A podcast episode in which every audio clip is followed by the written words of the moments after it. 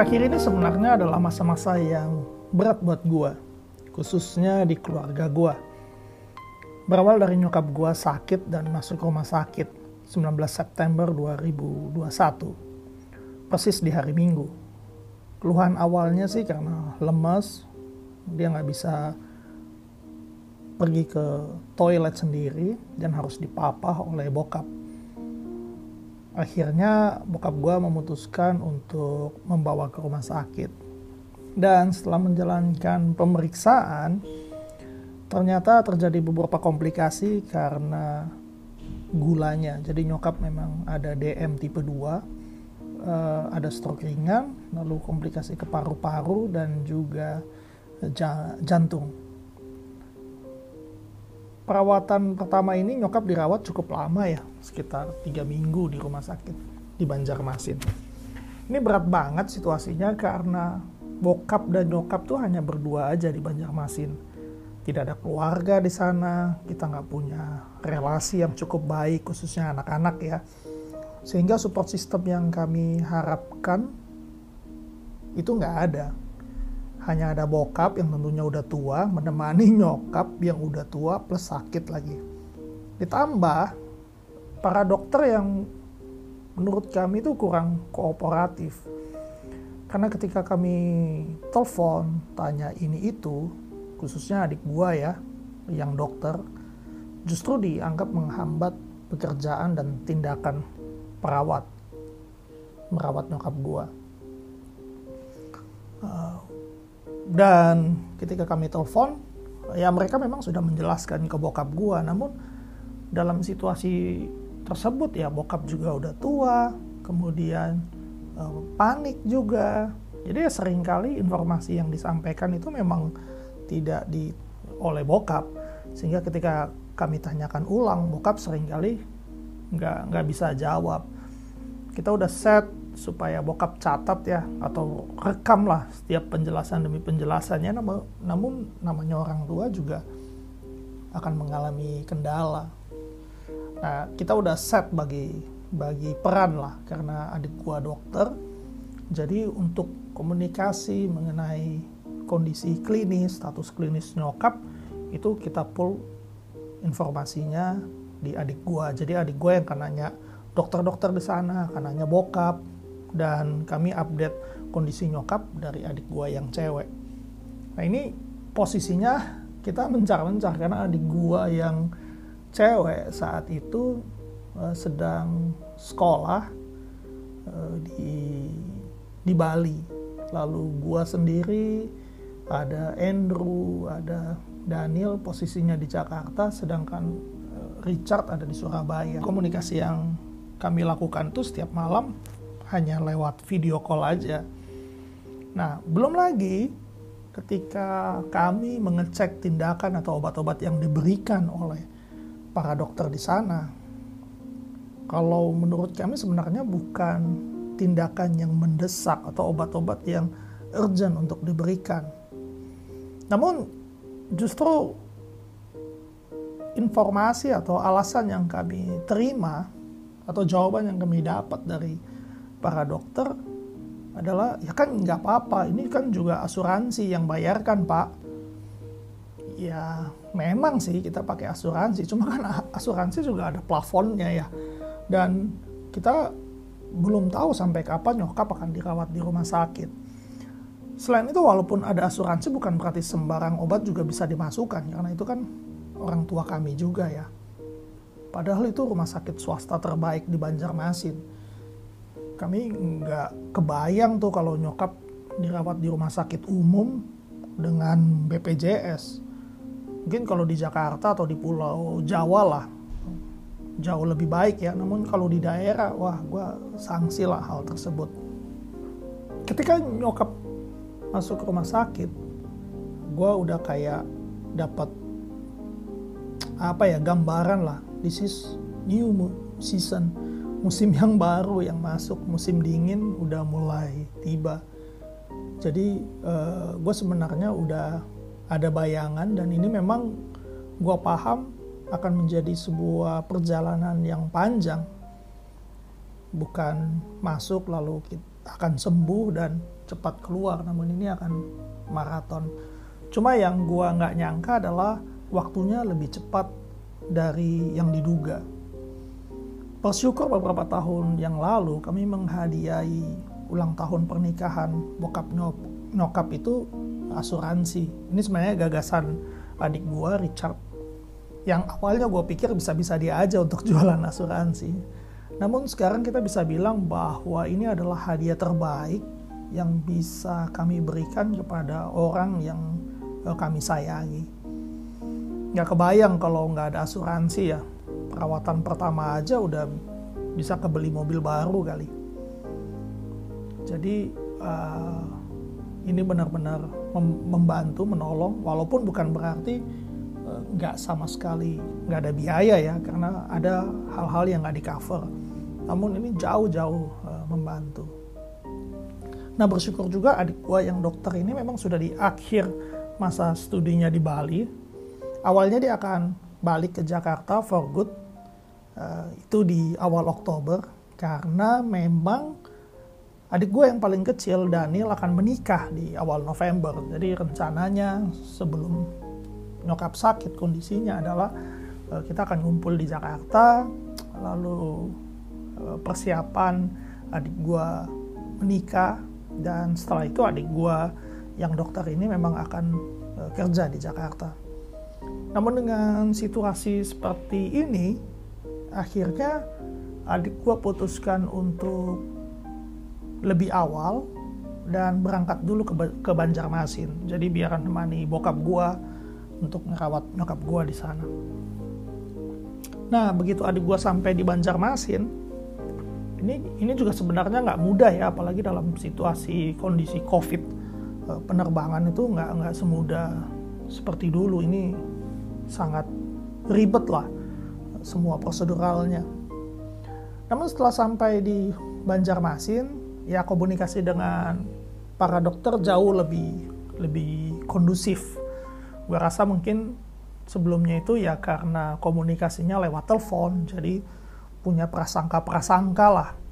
Tapi setelah ketemu, kita juga banyak, ya bagaimanapun para dokter ini yang merawat nyokap. Namun di sini kita sadar memang kondisi nyokap itu tidak akan pernah kembali pulih seperti sebelumnya. Jadi kondisinya memang eh, berangsur-angsur itu turun.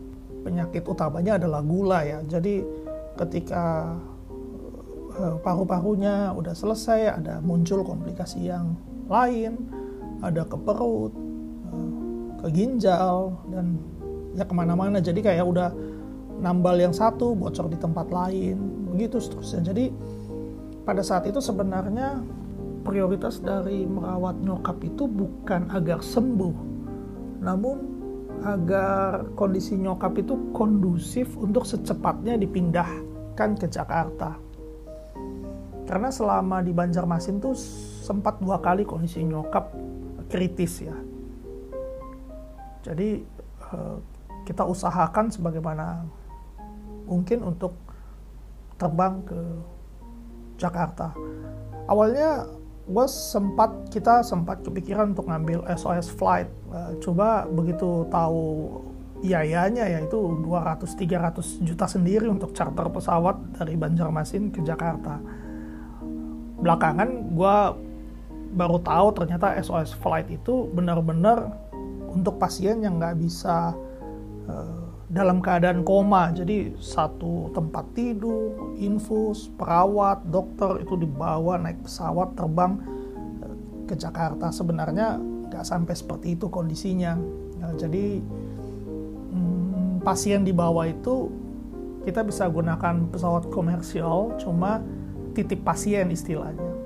Ya singkat cerita akhirnya nyokap bisa tiba di Jakarta itu di pertengahan Oktober begitu tiba di Jakarta nyokap langsung dirawat di rumah sakit Hermina Sunter ini berkat adik gua punya punya link lah untuk ke koleganya untuk bisa langsung dirawat nah di saat bersamaan Lina, istri gue juga mengalami masalah di tengah kehamilan uh, trimester terakhirnya. dan ini mengakibatkan kemungkinan besar akan melahirkan secara. Tentunya ini di luar ekspektasi karena baik Lina pun dia mengharapkan lahir secara normal. Apalagi karena masalah tersebut kemungkinan besar akan ada tindakan operasi setelah SC, setelah sesar. Dan seperti belum cukup dengan semua kondisi tersebut, di Oktober lalu gue mengalami kecelakaan sepeda dan cukup parah ya karena uh, eh, gue sempat dilarikan ke rumah sakit. Namun walaupun terlihat berat dengan semua hal tersebut, cuma ternyata itu seolah-olah sesuatu yang sudah dipersiapkan untuk hal yang lebih baik di depan dan gue bersyukur bahwa hidup kita itu hidup kami benar-benar dijaga dan ada dalam perlindungan Tuhan.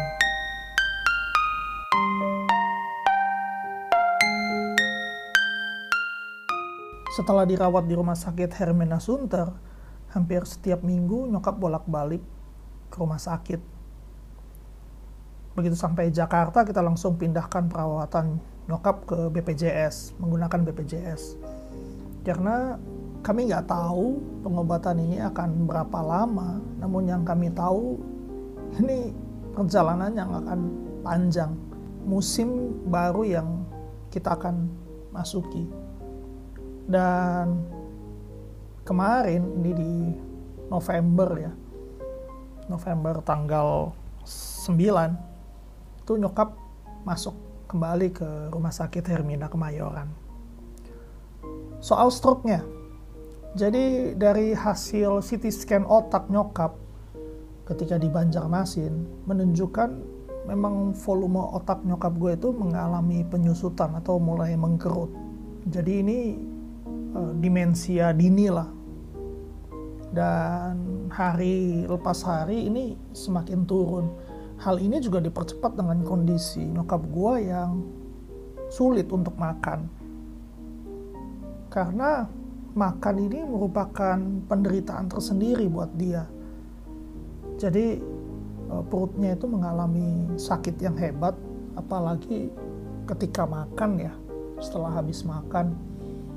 Dan setelah habis makan itu perutnya sakit, biasanya dia langsung BAB. Nah, BAB ini dia akan nyeri lagi. Jadi memang dia jadi turun sekali nafsu makannya, nggak ingin makan. Eh, bahkan ini seperti ngajak anak gua makan. Seperti ngajak Jonah makan ini. Karena memang seperti itu kondisinya. Namun ketika ia tidak makan, nyokap nggak makan, itu berbeda dengan seperti kita orang sehat ketika kita tidak makan, kita baru merasakan efeknya secara biologis, secara klinis itu mungkin setelah beberapa minggu atau beberapa hari kita konsisten misalnya nggak makan ya kita baru melihat gejalanya entah itu kurang gizi atau elektrolit itu setelah lepas beberapa hari atau beberapa minggu namun untuk kondisi nyokap gue itu langsung kelihatan dalam beberapa jam gitu. Salah satunya adalah elektrolit tubuh. Jadi kalau dia nggak makan, elektrolit tubuhnya itu berkurang. Ketika elektrolitnya berkurang dalam tubuh, ini yang menyebabkan dia jadi halusinasi, curiga, eh, ngomong lantur, dan mengakibatkan pembengkakan pada otak akhirnya ujung-ujungnya ini jadi mempercepat uh, demensia. Gue bisa bilang nyokap gue ya dari tindakannya, perilakunya, nyokap gue udah mulai balik seperti anak kecil. Jauh lebih cepat daripada yang kami bayangkan. Jadi sekarang mungkin gue bisa bilang kondisi nyokap itu seperti kondisi anak 2-3 tahun dan gue bersyukur di sini hal yang bisa gue syukuri adalah gua sebagai anak sulung itu gua kayak udah mendapatkan glimpse peringatan sehingga ketika menghadapi ini gue bisa apa ya mengencourage eh, adik-adik gue bisa memberi semangat nggak terjebak dalam sesuatu yang yang jadi negatif gue juga bisa uh, menguatkan bokap.